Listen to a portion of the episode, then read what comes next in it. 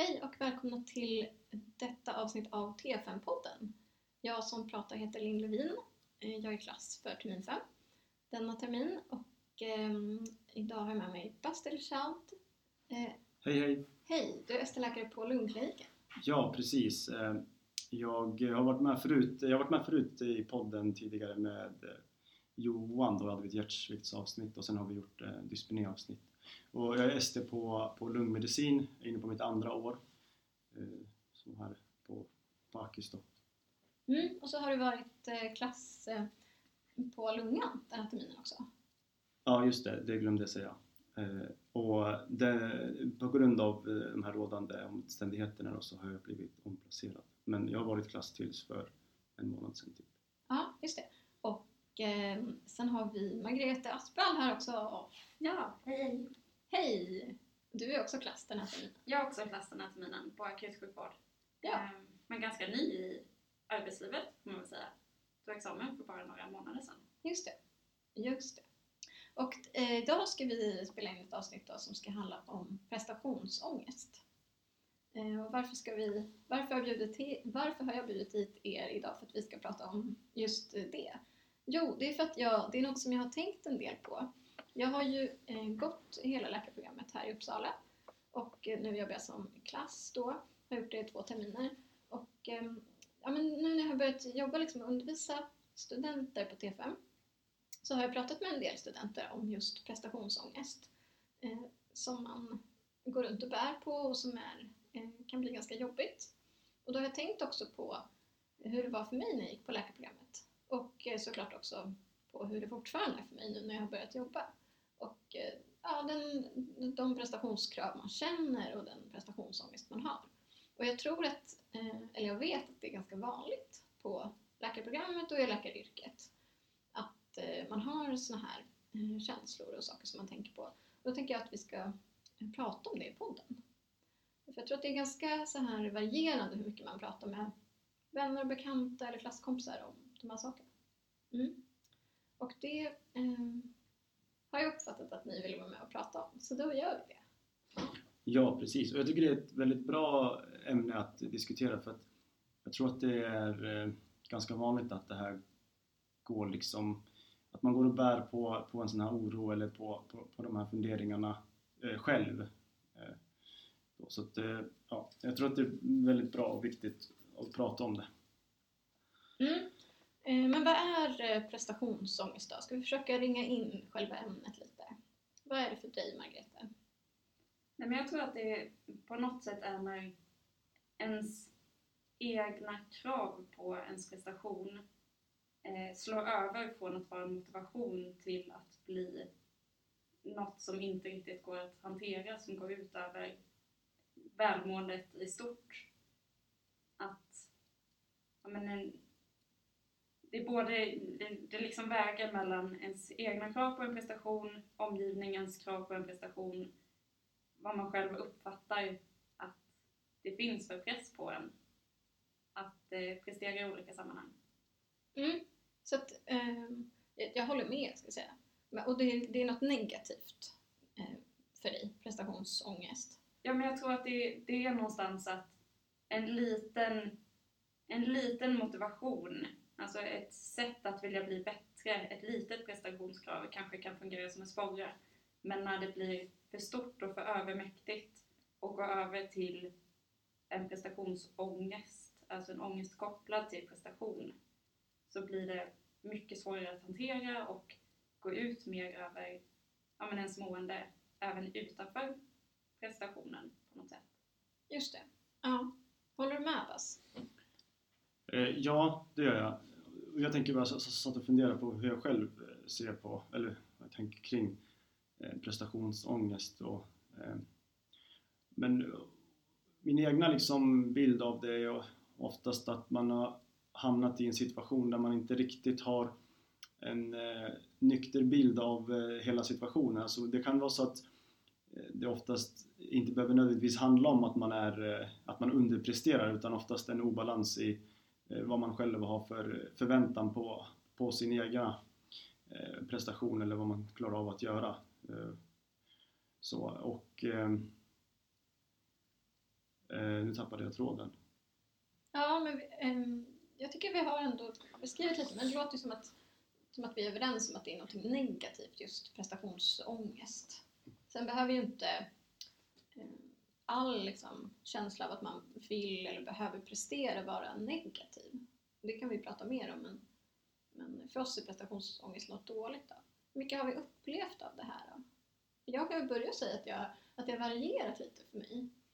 Jag tror att i början, när jag precis hade börjat på läkarprogrammet, så, så tror jag inte att jag led av så mycket prestationsångest. Utan då var det nog mest liksom inlärningen och, och pluggandet var nog mest fyllt av eh, lust att lära mig saker.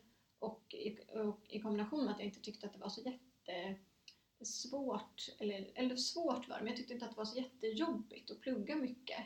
För det var också kopplat till mycket så här socialt, att, att jag pluggade ihop med bra kompisar, att det, det var liksom kul och det var, mitt liv liksom. Sådär, ganska länge. Men sen har jag nog fått mer just prestations prestationsångest ju mer läkarprogrammet har gått.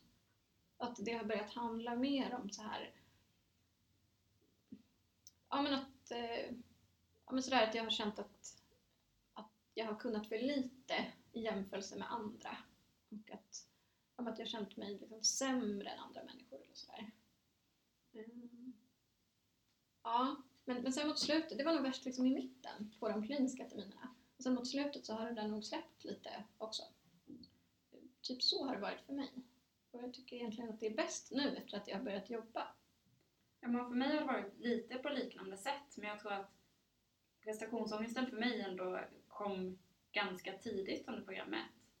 För att det var så många stora förändringar på en och samma gång. Och jag hade lite svårt att finna mig i det nya, vad universitetsstudier innebar och vad det innebar att bo långt hemifrån. Och jag håller med om att, att jag hade, som att, att plugga med kompisar och hela den sociala biten gjorde att jag tyckte att det var värt det.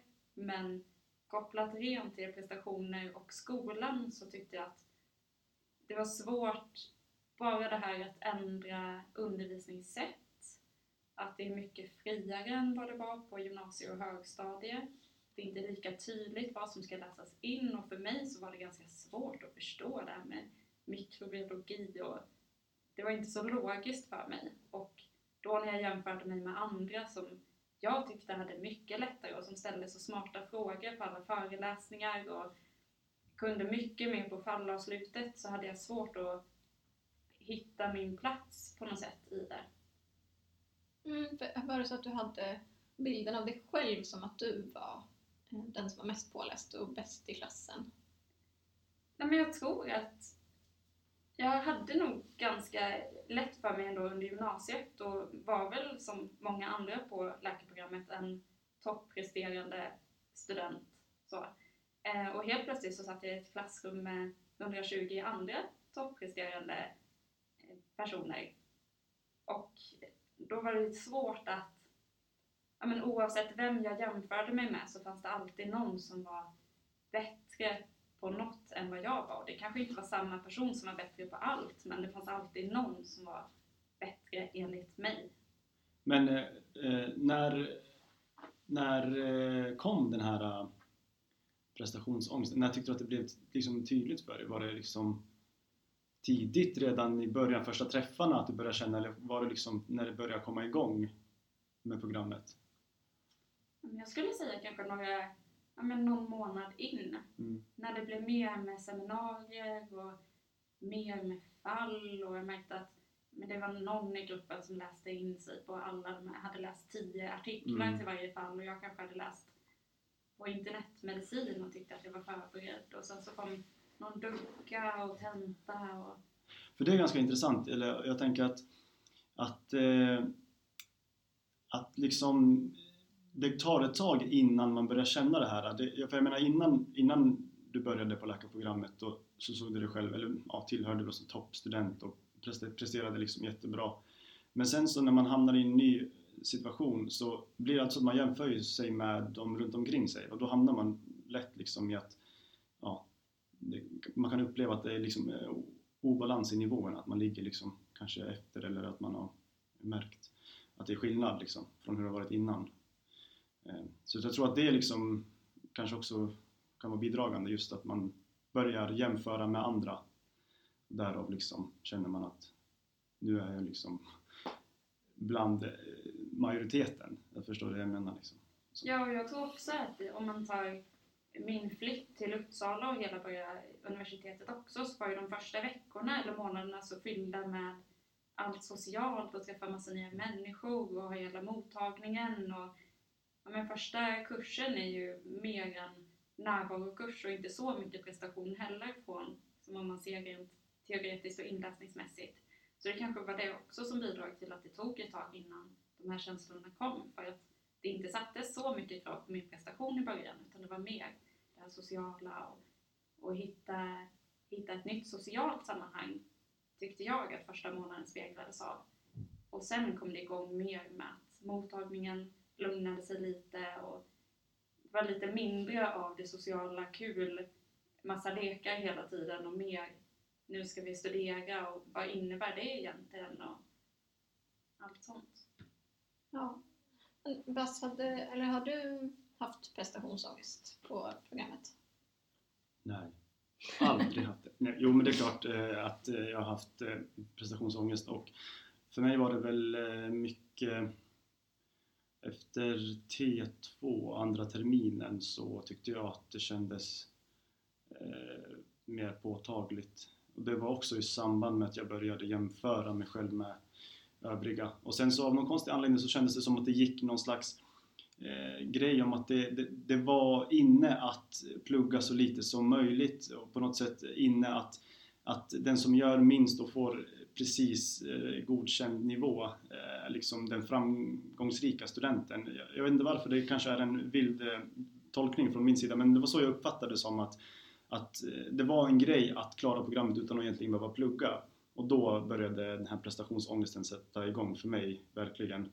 Eftersom att det mm, hade inte liksom gått. Så begåvad är jag inte, eller var inte, om man ska se det.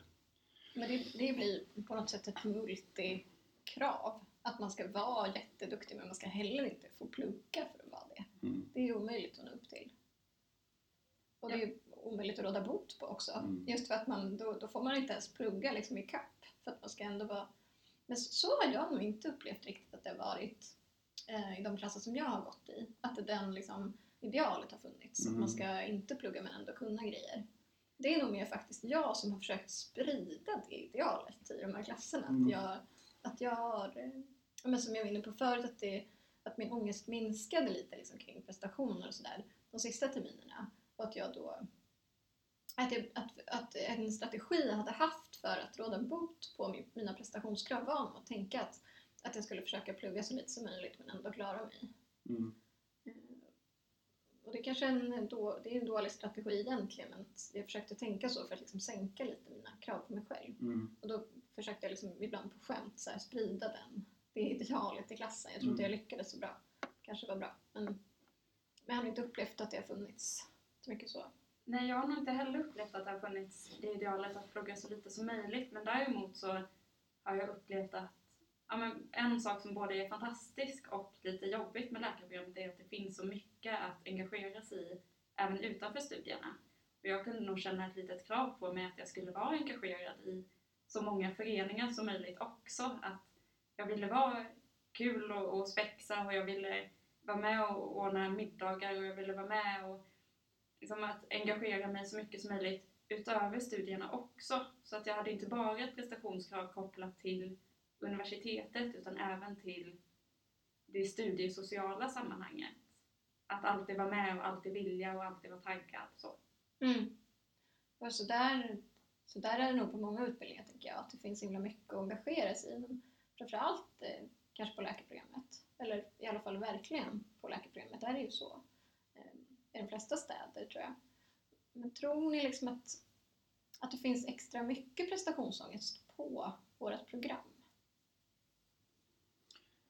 Ja, det tror jag att det finns. Dels för att eh, man har nog en vision av hur yrket, eller så var det för mig under resans gång, att man hade en vision av hur yrket ska, ska vara liksom, eller ska bli eller hur, man ska ut, eller hur det ska utföras på något sätt.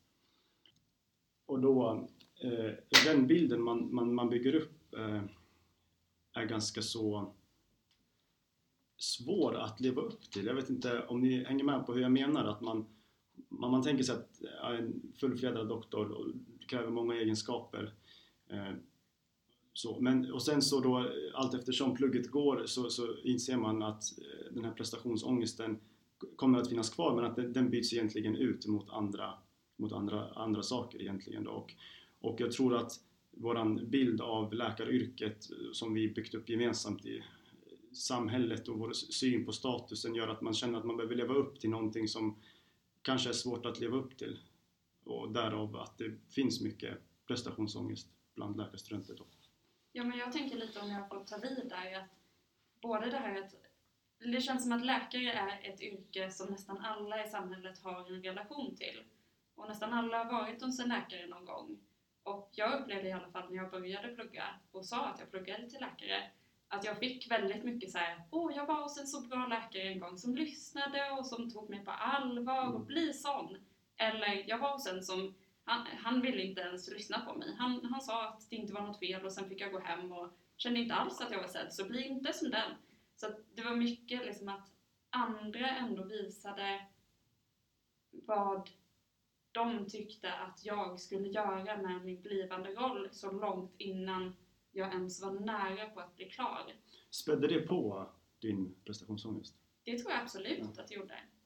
Att, ehm, att det blev liksom in, ja, men på något sätt lite tydligare att det här är ett yrke som spelar så stor roll för många människor. ändå.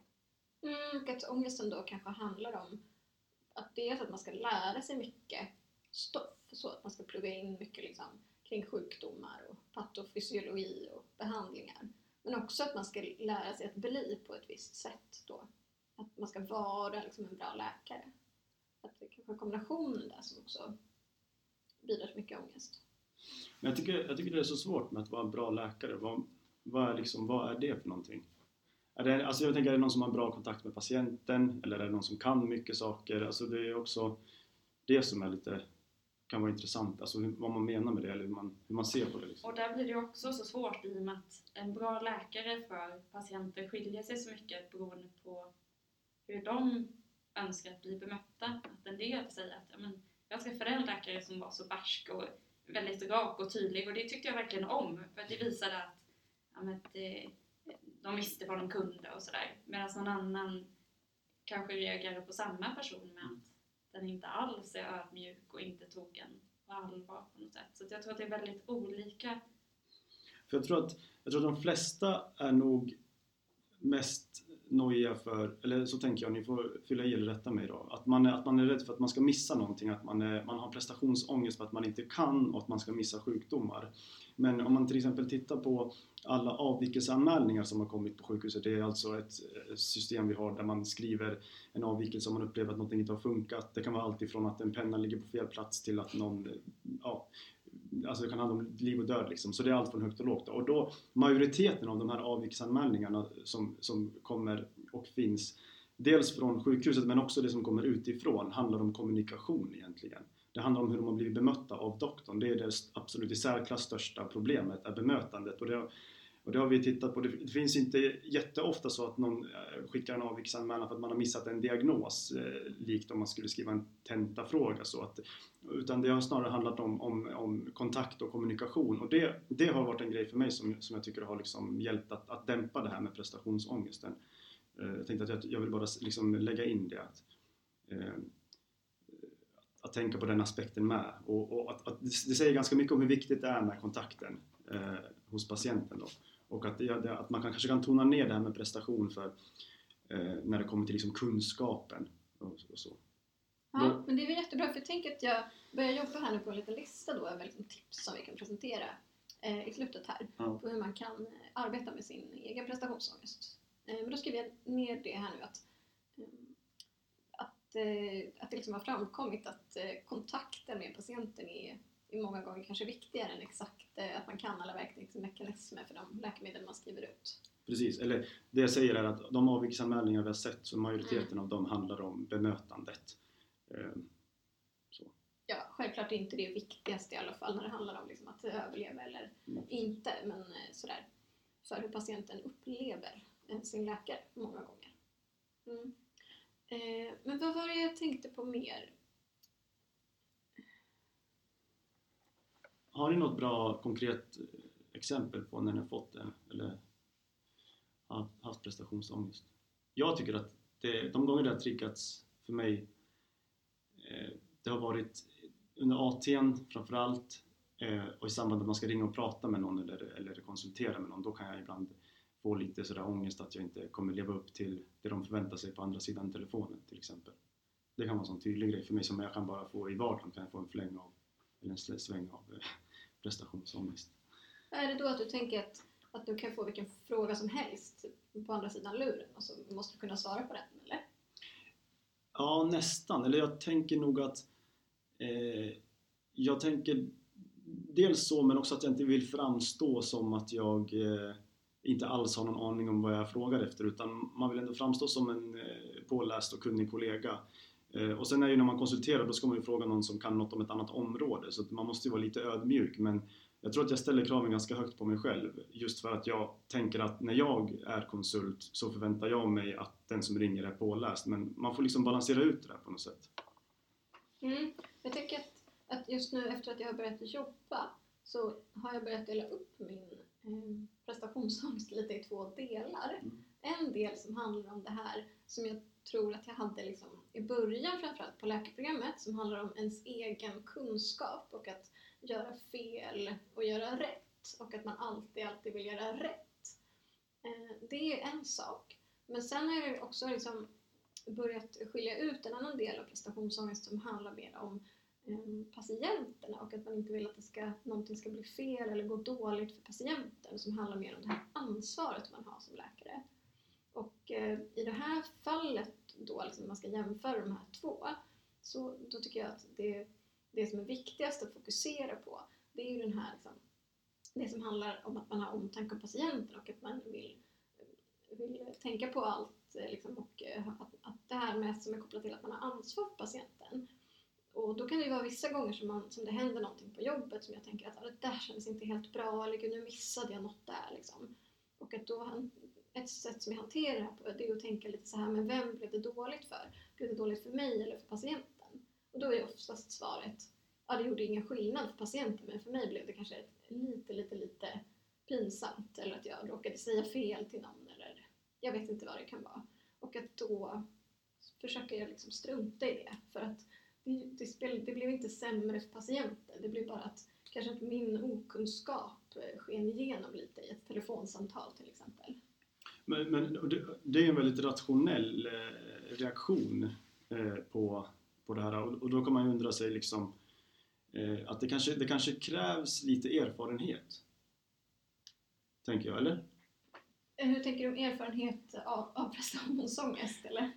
Ja, eller kanske ångest generellt, att man eh, hittar eh, strategier att hantera det. Och, jag, för jag menar, har man varit med om det förut så kan man ju känna igen eh, känslan och att man har levt igenom det så att man kanske är lite bättre rustad då eh, att ta sig igenom det framöver. Ja men absolut, absolut. Det är inget jag kom på över en natt utan det är liksom en utarbetad strategi och det är inget som kommer naturligt utan det är något jag har själv har liksom kommit på för att eh, hantera detta. Och samtidigt behålla då liksom det som är viktigt. Att jag, jag kommer ju aldrig strunta i liksom ångest som handlar om att något har blivit fel för en patient. För det är ju fel på riktigt, så ska det Mm. inte vara såklart.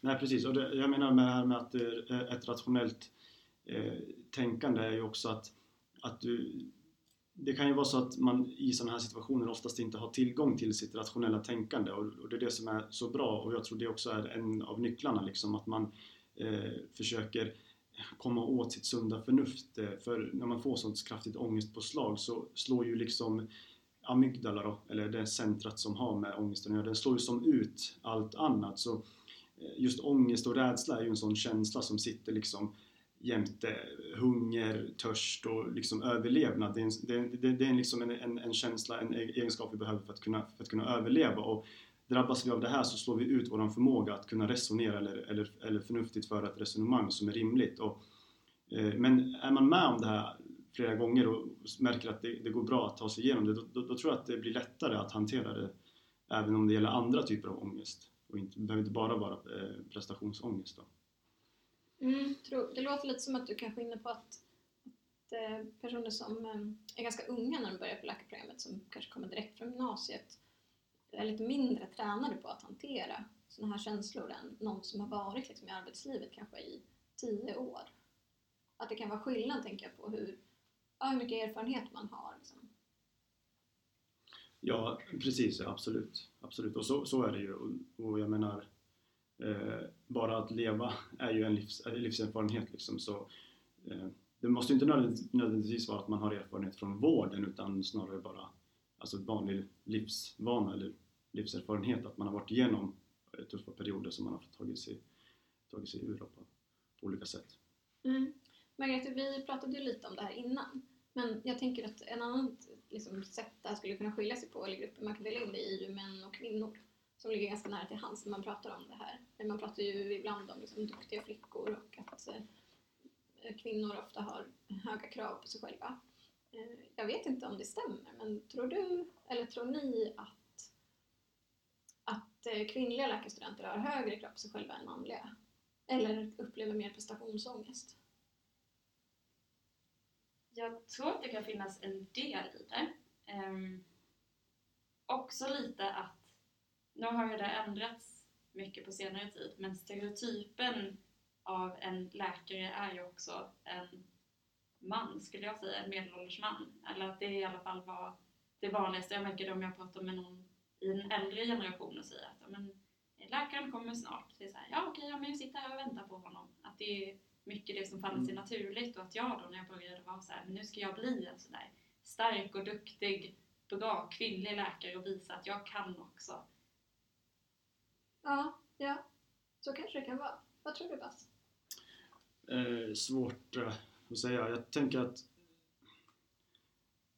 det kanske är så att eh, tjejer har lättare att prata om det, lättare att eh, kanske nå till sina känslor och på något sätt eh, medvetgöra det, att man blir medveten över det på, i en bättre utsträckning än, än vad killar eh, lyckas med. Och därav tror jag att eh, eftersom att man pratar om det så sänker man liksom tröskeln eh, och då känns det som att liksom ja, jag vet inte hur jag ska försöka förklara, men, men hos, hos grabbar då känns det lite som att nej, man, man pratar inte om känslor, man pratar inte om, om ångest och så vidare jämfört med och, hos tjejer då kanske det förekommer oftare och då skapar man en förutsättning där, där det är liksom schysst att, att uttrycka sig. Det, det jag tänker att killar kanske går och döljer och, och håller liksom inne väldigt länge och så syns det inte med i statistiken och så tänker man att det kanske är en skillnad men det kan ju finnas eh, en del i det att, att det inte framkommer, att inte alla killar kanske öppet pratar om det eller vågar liksom dela med sig av det. Eh, tänker jag skulle kunna vara en del i det som skulle kunna förklara att det kanske är lite olika, just att det är mer kanske accepterat och det är mer lätthanterligt i andra gruppen. Eh, eller låter det vilt? Mm.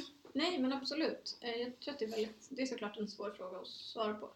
Ehm, men för anledningen till att jag frågar det här är lite för att jag läste, jag googlade liksom lite på det här ämnet och läste lite olika så här artiklar, bland annat från Läkartidningen, Eh, där man citerade olika liksom, studier, eller artiklar som handlade om prestationskrav och ångest liksom, inom läkaryrket och hos läkarstudenter.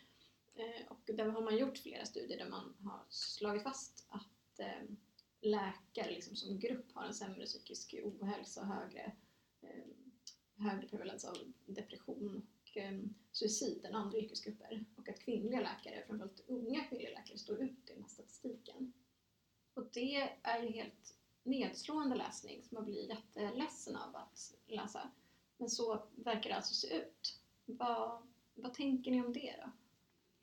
Eh, precis som du säger, väldigt eh, tråkiga siffror och eh, jag har inte kanske så mycket svar men mer, kanske mer följdfrågor på det. Eller är det så att eh, är mycket prestationsångest som ligger till grund? Är det så att eh, yrket gör att man, det man utsätts för i yrket gör att, att, att man mår dåligt av det? Eh, så, så jag tror att det kan vara flera saker som, som inverkar men Men eh, att gå med prestationsångest genom hela karriären tror jag är extremt eh, tufft att hantera för det tar mycket på energi alltså.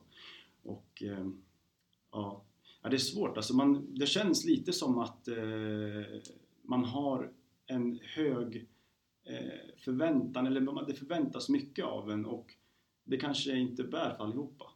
Det kanske inte håller för allihopa.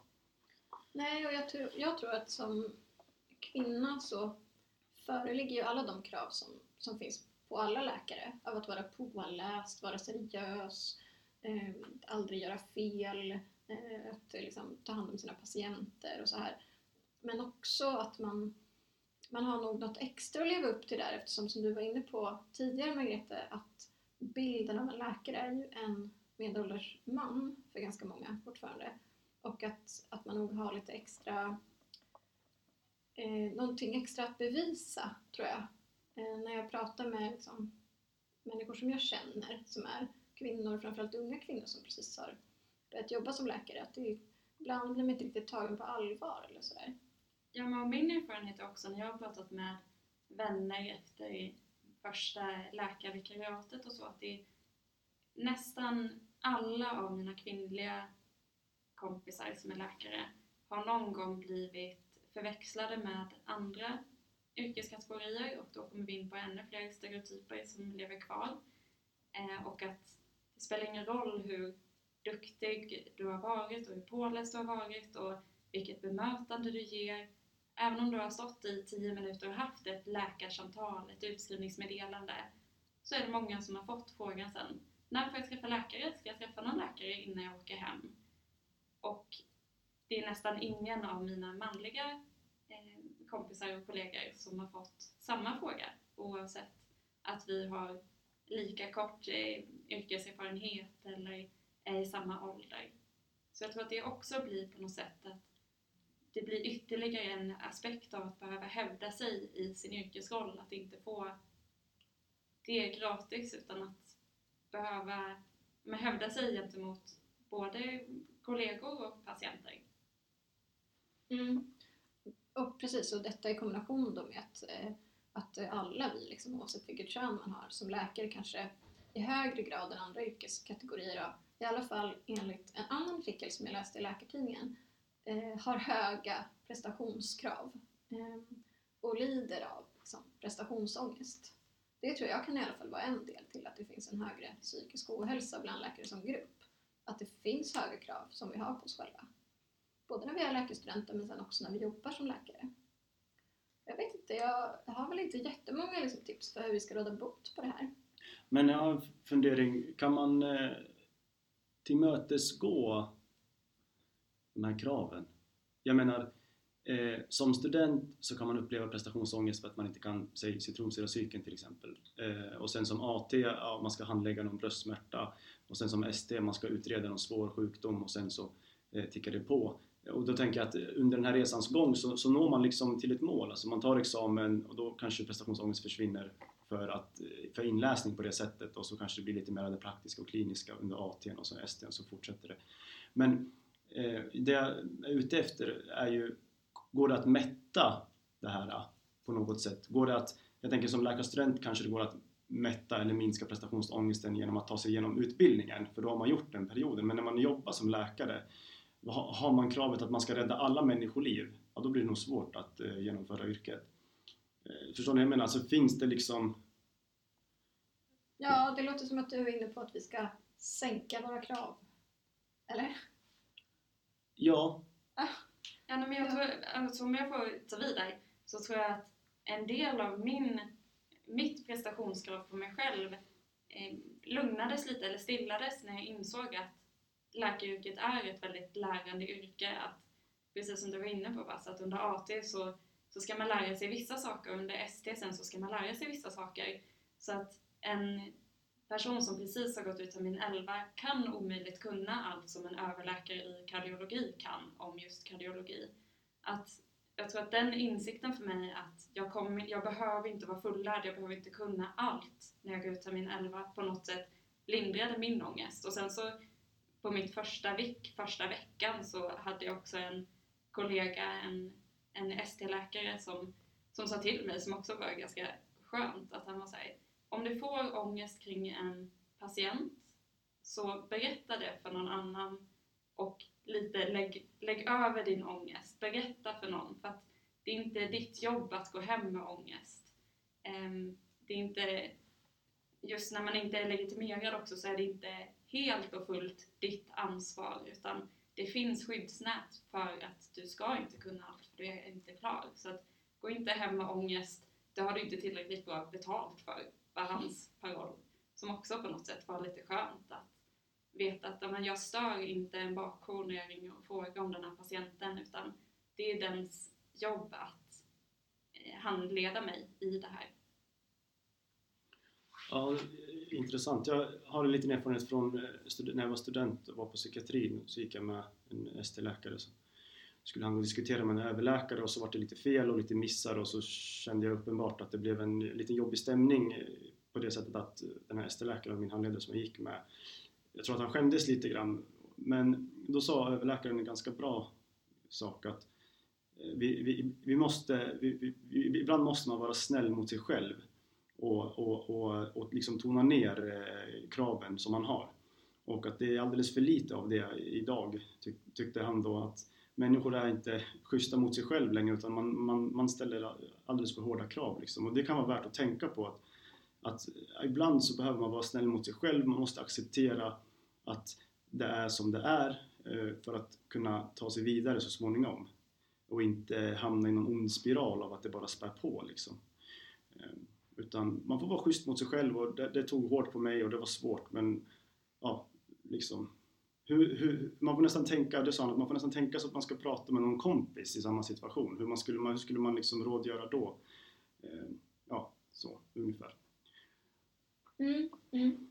Jag vet inte om jag har något sånt där konkret exempel men, men jag tänkte säga, för att jag sa nästan lite raljerande förut, du sa jaha så vi ska sänka kraven. Mm. Så det, det är lösningen på att vi har för höga krav men, men det finns väl sätt att göra det på, tänker jag. Det gäller bara att komma på vad som funkar för en själv. Eh, hur man kan sänka sina krav. Och sen tyckte jag också det var intressant det där som du sa eh, innan, så att eh, ja, men hur ska man någonsin kunna leva upp till kraven om de bara blir högre och högre? Och det enda som liksom det enda som är gott nog är att man är absolut bäst av alla på något sätt. Um, det kan nog hänga ihop det här med, med det här som man brukar kalla för imposter syndrome, eller typ bluffsyndromet på svenska tror jag. Som eh, det enligt vissa finns eh, liksom gott om på högpresterande yrken och utbildningar som till exempel läkarprogrammet då. Eh, och det är liksom, i korthet har jag uppfattat det som att det innebär att man känner sig som en bluff eh, trots att det kommer liksom signaler om att, att man kan saker och är duktig och att det går bra för en så bortfärdar man det, eller bortförklarar man det med att ja, det är slumpen eller det var bara tur eller jag är en bluff helt enkelt. Och det, men det tror jag faktiskt på är ganska vanligt att människor går runt och känner så. Jag har själv känt så eh, jättemycket, liksom, framförallt innan jag tog examen och började jobba. Och sen har det släppt lite och det tror jag är liksom till viss del tack vare att eh, kollegor som jag har, både underläkarkollegor och eh, överläkare jag har jobbat med, vågar liksom visa att man själv tror lite grann att man är en bluff ibland eller att man säger att det här kan inte jag och det där kändes dåligt och det här får vi googla liksom. Det, det tror jag, det är mitt bästa tips egentligen, att våga dela med sig av det man känner är ens fel och brister på något sätt. Ja, men jag tror också att det är ganska vanligt. Jag kommer ihåg men som student också att det kunde vara så här satt och berättade om olika patientfall för varandra och, var så här, den här träffade jag på akuten och det var ju det här så då satte jag in det här. Att det var mycket, ja men när jag hörde andra studenter prata om fall så fick jag bilden av det här borde jag också kunna och det kan jag inte alls. När kanske själva sanningen var att ja, men jag var inne och pratade med patienten och diskuterade med en bakjour som fick konsultera med en annan konsult som sa att det här läkemedlet kan vi sätta in. Men i kontexten sitta och prata med kompisarna så kommer inte det riktigt fram utan det låter som att alla andra kan mer på något sätt. Och det kan också på något sätt spä på att men vill jag verka, alla vill verka duktiga och kunniga men det, det blir en bild av att så här, det här är något lätt som alla borde kunna och om inte du kan det då så har du inte lärt dig det viktigaste just nu. Nej men precis, och jag tänker att föder man den kulturen i, på arbetsplatsen eller på, i klassen eller på programmet att, att, eh, att ingen någonsin gör några misstag eller att alla kan saker väldigt bra och så här att det är en sån stämning så blir det lite självuppfyllande. Att då kommer ingen våga säga att men där kunde inte jag och det där gick lite dåligt för mig. Så det krävs nog att några går före där och liksom vågar visa upp eh, det som inte känns så bra. Ja, och det behöver inte vara att man ska visa, hävda sin okunskap hela tiden, men kanske säga ja men jag träffade den här patienten som hade de här symptomen och efter att vi kollade lite på internetmedicin och pratade med lungkonsulten och sen satte vi in den här medicinen. Så mm. man ändå på något sätt visat att det här är själv, inte självklart att kunna, men på de här ställena kunde jag hitta informationen och så gjorde vi så här i fortsättningen. Ja, och, eller om vi ska prata liksom direkt om den här prestationsångesten så kan det ju vara också att, att bara prata om det. Att dela med sig av sin prestationsångest till andra och att fråga hur andra hanterar det. Eller att bara få veta att andra lider av samma sak. Jag har ju googlat på det här då såklart och då har jag läst en studie som SLF-student hade gjort 2017 som var en enkätstudie som handlade just om studierelaterad, studierelaterade saker, bland annat hälsa då. Och då var det enligt den här studien så har jag läst att det var eh, 22 procent av alla som hade svarat på studien, och det var läkarstudenter då, som hade sökt eh, vård för studierelaterad ohälsa. Om det var under det senaste året eller halvåret då.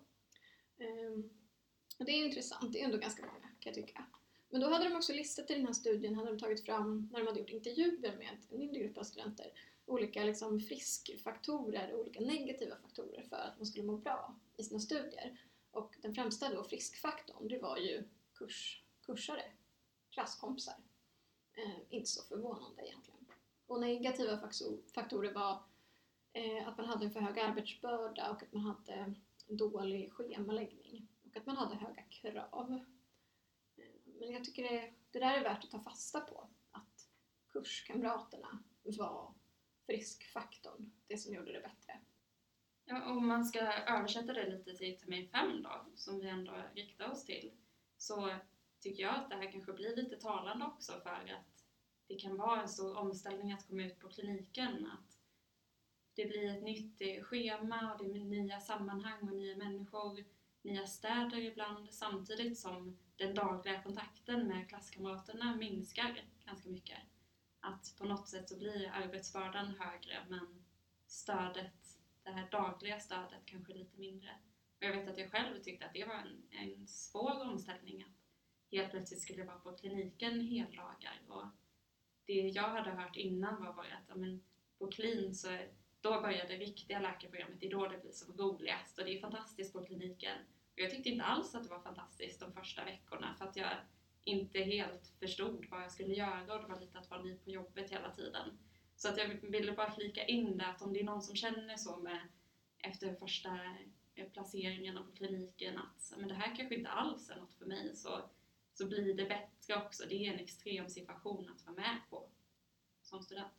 Ja, och det tror jag, om man ska tro den där liksom enkäten då som jag refererade till nyss, eh, om man ska tro bara våra erfarenheter att att det, det bäddar ju verkligen för att för eh, sämre mående och eh, liksom ökad prestationsångest. Det här med när man är ny på clean. Att ha liksom mindre stöd av kompisar i vardagen, precis som du sa. Samtidigt som man ska göra någonting nytt. Mm. Så att, och då kan det nog vara värt att göra det där som du sa innan Bess, just att vara snäll mot sig själv och minnas det här. Verkligen, tror jag. Mm. Precis, och det tycker jag man ska komma ihåg, att vara snäll mot sig själv. Men sen så, nu har vi pratat ganska mycket om prestationsångest eh, på ett ja, negativt sätt, kan man säga så? Jag vet inte. Men eh, det finns ju, eller min fråga är egentligen, eh, finns det något bra med prestationsångest? Eller är det bara dåligt? Jag tycker att det finns något bra. Verkligen. Vi började med att definiera prestationsångest som något dåligt då, just eftersom det är ångest. Men det brukar man väl ofta säga liksom, när man pratar om ångest att en liten dos av det kan ju liksom vara som en liten spark i baken. Att uh, komma igång eller att verkligen göra någonting. Och så funkar det verkligen för mig. Alltså i rätt doser så är det verkligen nyttigt och effektivt. Ehm, det är nog det som har fått mig liksom att plugga och lära mig saker många gånger. Verkligen. Så att jag tror att det här handlar om att, att hitta balansen och att det är, prestationsångest är dåligt när den går till överdrift, när man tappar liksom greppet om verkligheten och tror att jag kan ingenting eller jag är absolut sämst av alla eller det här kommer aldrig gå och sådana saker som kanske inte är speciellt sanna. Eh, och då kan det vara bra att liksom slipa bort det där men jag tror att ett visst mått av eh, oro för hur, hur det ska gå på något sätt är bra ändå. Ja, jag, jag håller med. Jag tror att jag på något sätt eh, i mitt huvud skiljer på prestationskrav och prestationsångest. Att prestationskrav kan göda en ångest om den blir för påtaglig på något sätt. Men att ha prestationskrav på sig själv eller att känna lite krav från omgivningen också att göra en, en bra insats är min motivation ofta att sitta och plugga på och läsa på även fast jag egentligen inte är så sugen. Eh, men om det blir för övermäktigt, om, om balansen av vad jag känner att jag kan hantera och vilka krav jag sätter på mig själv blir för liksom, obalanserad så att det går över till en ångest så tror jag att för mig så är det en negativ, eh, negativ klang till det hela. Men att som sagt, prestationskrav liksom är förstadiet på något sätt och håller det sig där så tycker jag att det kan vara en positiv del. Men om det går för långt då är det för mig en negativ sak. Mm. Är det så för dig också Elvas att du behöver lite liksom, bränsle till att göra någonting? Ja, så är det absolut. Det, det, det brukar kunna eh, hjälpa att få en liten, liten dos av, av ångest för att sätta igång arbetet och processen. Men det är som ni säger, det är en svår balansgång eh, och när det går över till att bli liksom någon slags börda jämförelsevis med att det är någonting man ska ta sig igenom eller en uppgift som är genomförbar på något sätt. Eh, men eh, ja, det, det utvecklar sig annorlunda. Jag tycker att ju, ju, ju mer man, man, man, jobbar så, eh, så känns det som att eh, man lär känna den här eh, känslan, den här prestationsångesten kommer liksom att hälsa på då och då och, och lär man sig hantera den bra och ta in den på ett, på ett bra sätt och försöka göra något bra av det så, så tror jag att det går att, att handskas med ganska stora doser. Men jag tror ingen klarar av höga doser under lång tid. Det tror jag är omöjligt. Men, men eh, om man försöker, det låter konstigt men det var faktiskt en psykiatriker, Rosa Kawasaki, som sa det till mig. Att man ska nästan bli, bli vän, att när man får ångesten så ska man som ta in den och göra något bra av det och försöka lära känna eh, sin, sin ångest och sin kropp. Eh, hur reagerar jag på det här och, och, vad händer med min kropp, vad händer med mig och varför händer det med mig? Vad är det som utlöser att det blir så här? Och sen inse att det är inte döden utan det är liksom en jobbig eh, stund då. Eh, och, och, och, det där har jag försökt tänka på. Jag tycker att det, det har gjort mycket att, att försöka tänka på ångesten som någonting mera avdramatiserat, att ta, ta emot den på något sätt och göra något bra av det eh, kunna finna sig i, i en sån situation helt enkelt. Så. Ja, men för mig blev det mycket lättare att hantera, eh, att hantera som ångesten när jag väl förstod att det var ångest. Jag vet att det var en kompis som sa det till mig någon gång under de första terminerna när jag mådde jättedåligt och jag hade ont i magen och jag kunde inte sova. Men förstod inte helt vad det var som var på gång och bara kände att ja, men jag vill bara stänga in mig i ett rum nu och jag vet inte vad mm. som händer. Och så var det en kompis som sa till mig att ja men det, det är bara lite ångest. Liksom, då, då har jag ångest nu. Bara, Jaha, är det det som känns? Kan det kännas så här? Jaha. Och sen har det blivit lite som en grej som händer varje gång om jag får ångest nu, att det är lite såhär, ja hej ångesten, idag kom du, okej, idag känns det så här. Ja, och det kan vara jättesvårt i början, alltså det, det var verkligen, det tog ett tag innan det kom till att jag kunde identifiera min ångest direkt när det kom. Men lite det här att, att inse att det är en sak som kommer gå över och det finns sätt att handskas med den. Ja, precis. Jag tänker det här är en ganska hög nivå av, eh, av ångesthantering vi är uppe på här nu. Det här som du sa jättebra Bess, att, att, att lära känna sin ångest och att eh, liksom, se den som någon slags regn och väder som drar förbi. Vi har Men, många års ångest i bagaget. Ja, visst. Men jag tänker, eh, ska vi liksom avsluta med att jag då läser upp den här listan som jag har fått ihop under vårt samtal med lite tips på hur man eh, kan börja eh, hantera sin prestationsångest då om man känner att man har en sådan. Har man inte det så är det bara att gratulera. Eh, fram med papper och penna då. Här kommer tipsen. Eh, tips 1 är eh, prata med varandra.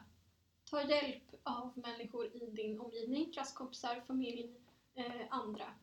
Eh, det kan också vara lärare, det kan vara oss klassar, det kan vara vem som helst. Ta hjälp av andra människor, berätta hur du känner, försök sätta ord på det. Och eh, berätta för varandra sånt som går dåligt, misstag man har gjort och sånt man tvivlar på eh, med det man gör i studierna eller på jobbet. Det var tips ett. Tips två. Eh, var snäll mot dig själv. Kort och gott. Eh, tips 3. Eh, det är mer ett eh, tips då på hur man kan tänka eh, för att eh, döva sin ångest lite och det var det här vi pratade om allra först. Att, eh, att det här som du sa Bess, att eh, man har sett i studier då att, att det, det som spelar roll för hur nöjd patienten är med ett möte med läkaren är själva kontakten man får, bemötandet man får av läkaren. Och det här kan man ju framförallt tänka på då i tentapluggstider eller sådär när man känner att jag kan inte lära mig alla de här enzymerna. Det är inte det som är viktigast när du sitter på vårdcentralen sen. Okej, okay. sen nästa tips det var det här tipset som jag sa att eh, i lägen där man känner att oh, nu känns inte alls perfekt här med det här. Skilj då på vad som blev kanske lite, lite pinsamt för mig eller vad som kanske blev dåligt för patienten. Var det bara lite pinsamt för mig, att då är inte hela världen. Och det har hänt alla. Ehm, sen eh, så har vi två tips kvar. Eh, näst sista då, det är att man kan alltid tänka på när man känner sig som en total eh, bluff, att man inte kan någonting, att eh, det är en del av ett eh, syndrom, eh, imposter syndrome, som vissa tycker finns utbrett på läkarprogrammet och att det drabbar många andra än en själv och man är sällan en bluff. Eh, sista tipset, också eh, den högsta nivån här. Lär känna din egen ångest. Mm. Bra! Eh, jag tycker det var en bra lista. Ni får ju gärna, liksom, ni som lyssnar, kanske mejla in om ni har andra tips. Såklart. Det vore kul. Absolut, och mm. dela med er till varandra också. Ja. Men Bas, du sa innan att du hade någon fråga som du ville ställa innan vi slutade. Eh, ja, och eh, det är en fråga som jag har tänkt på. Eh, och det är, vad skulle ni säga till er själva i början av karriären om det här med prestationsångest? Om ni får sitta, ni får träffa er själva när ni gick läkarprogrammet eller när ni var precis nyexade. Vad hade ni sagt till, till, till er själva då? Oj, det var en jättesvår fråga. Ehm, vad hade jag sagt till mig själv som de gick termin fem då. Ja men... Kanske hade läst upp den här listan då, eller något. Nej men jag tror att jag hade sagt så här. Jag tror att jag framförallt hade velat säga till mig själv som termin fem. Du är inte sämre än alla andra. Och du, du kommer att bli en riktig läkare. Du, är inte liksom någon bluff här. För så har jag känt mycket. Du är lika mycket läkare och läkarstudent som alla andra här. Det hade jag velat säga. Mm, och jag tror att jag är lite inne på samma spår. Eh, men också det här tipset att inte vara inte ensam med din ångest. Jag vet att jag i början mycket gick ifrån när jag kände att jag började få ångest eller gick hem och stängde in mig i min lägenhet. Vilket bara spädde på ångesten för att jag inte fick utlopp att prata om den eller då kunde det till och med ta den vändningen att jag var såhär, ja nu sitter jag till och med ensam hemma och liksom, att det, det, bara snurrade på. Så att för mig så var det nog viktigt det här med att vara inte ensam, prata med vänner eller familj eller prata med någon lärare eller studenthälsan eller vad det nu kan vara. Ehm, um, också det, det kommer lösa sig. Det kommer bli läkare Ja, eh, jag om jag hade pratat med mig själv när jag gick T5 då hade jag sagt eh, ha tålamod och ge det tid. Eh, sitt stilla i båten. Och jag hade pratat med mig själv när jag gick AT, då hade jag sagt ta det lugnt, ge det tid, tålamod. Och samma sak nu. Så det är något jag hade hoppats på att någon hade sagt till mig att, att eh, ha tålamod och ge, ge det tid. Ja, det kommer att eh, re- bli bra. Eh, och att vara snäll mot sig själv. Det är de två grejerna jag försökt tagit, eller ja, som att jag önskar att någon liksom sa till mig eller, eller eh, försökte ja, diskutera de sakerna med mig. Eh, just att eh, ja, vara schysst mot sig själv, tona ner liksom eh, alla höga förväntningar och eh, ha tålamod, sitt stilla i båten. Det går upp och det går ner men eh, så länge man tar sig fram eh, så, så, kommer det att gå bra. Och ingen väg är en annan lik. Man vet inte vilken stig man kommer komma in på och det gäller att liksom ta in stigen, ta in det du har och försöka göra någonting bra av det. Försök att tänka att, att det här är någonting som skulle kunna utveckla en för det är som sagt inte bara dåligt med prestationsångest. Det bottnar ju någonstans också att man bryr sig och är, är, är att man bryr sig om, om yrket och vill göra bra för sig så det finns något gott i det men ibland så kan det då eh, gå, gå för långt då. Eh, så. Ungefär så tänker jag. Ja, vad bra. Om, om det skulle gå dåligt för dig med läkaryrket då kan du omskola dig tycker jag till någon så här eh, liksom, preacher man. Det är jättebra sagt här. Ja, Men då vill jag säga till dig bäst, nu gör ju du ST. Då vill jag säga till dig, ta det lugnt, ha tålamod, sitt still i båten. Bra, tack. Okej, då säger vi eh, tack och hej. Tack för idag. Tack! Bye bye!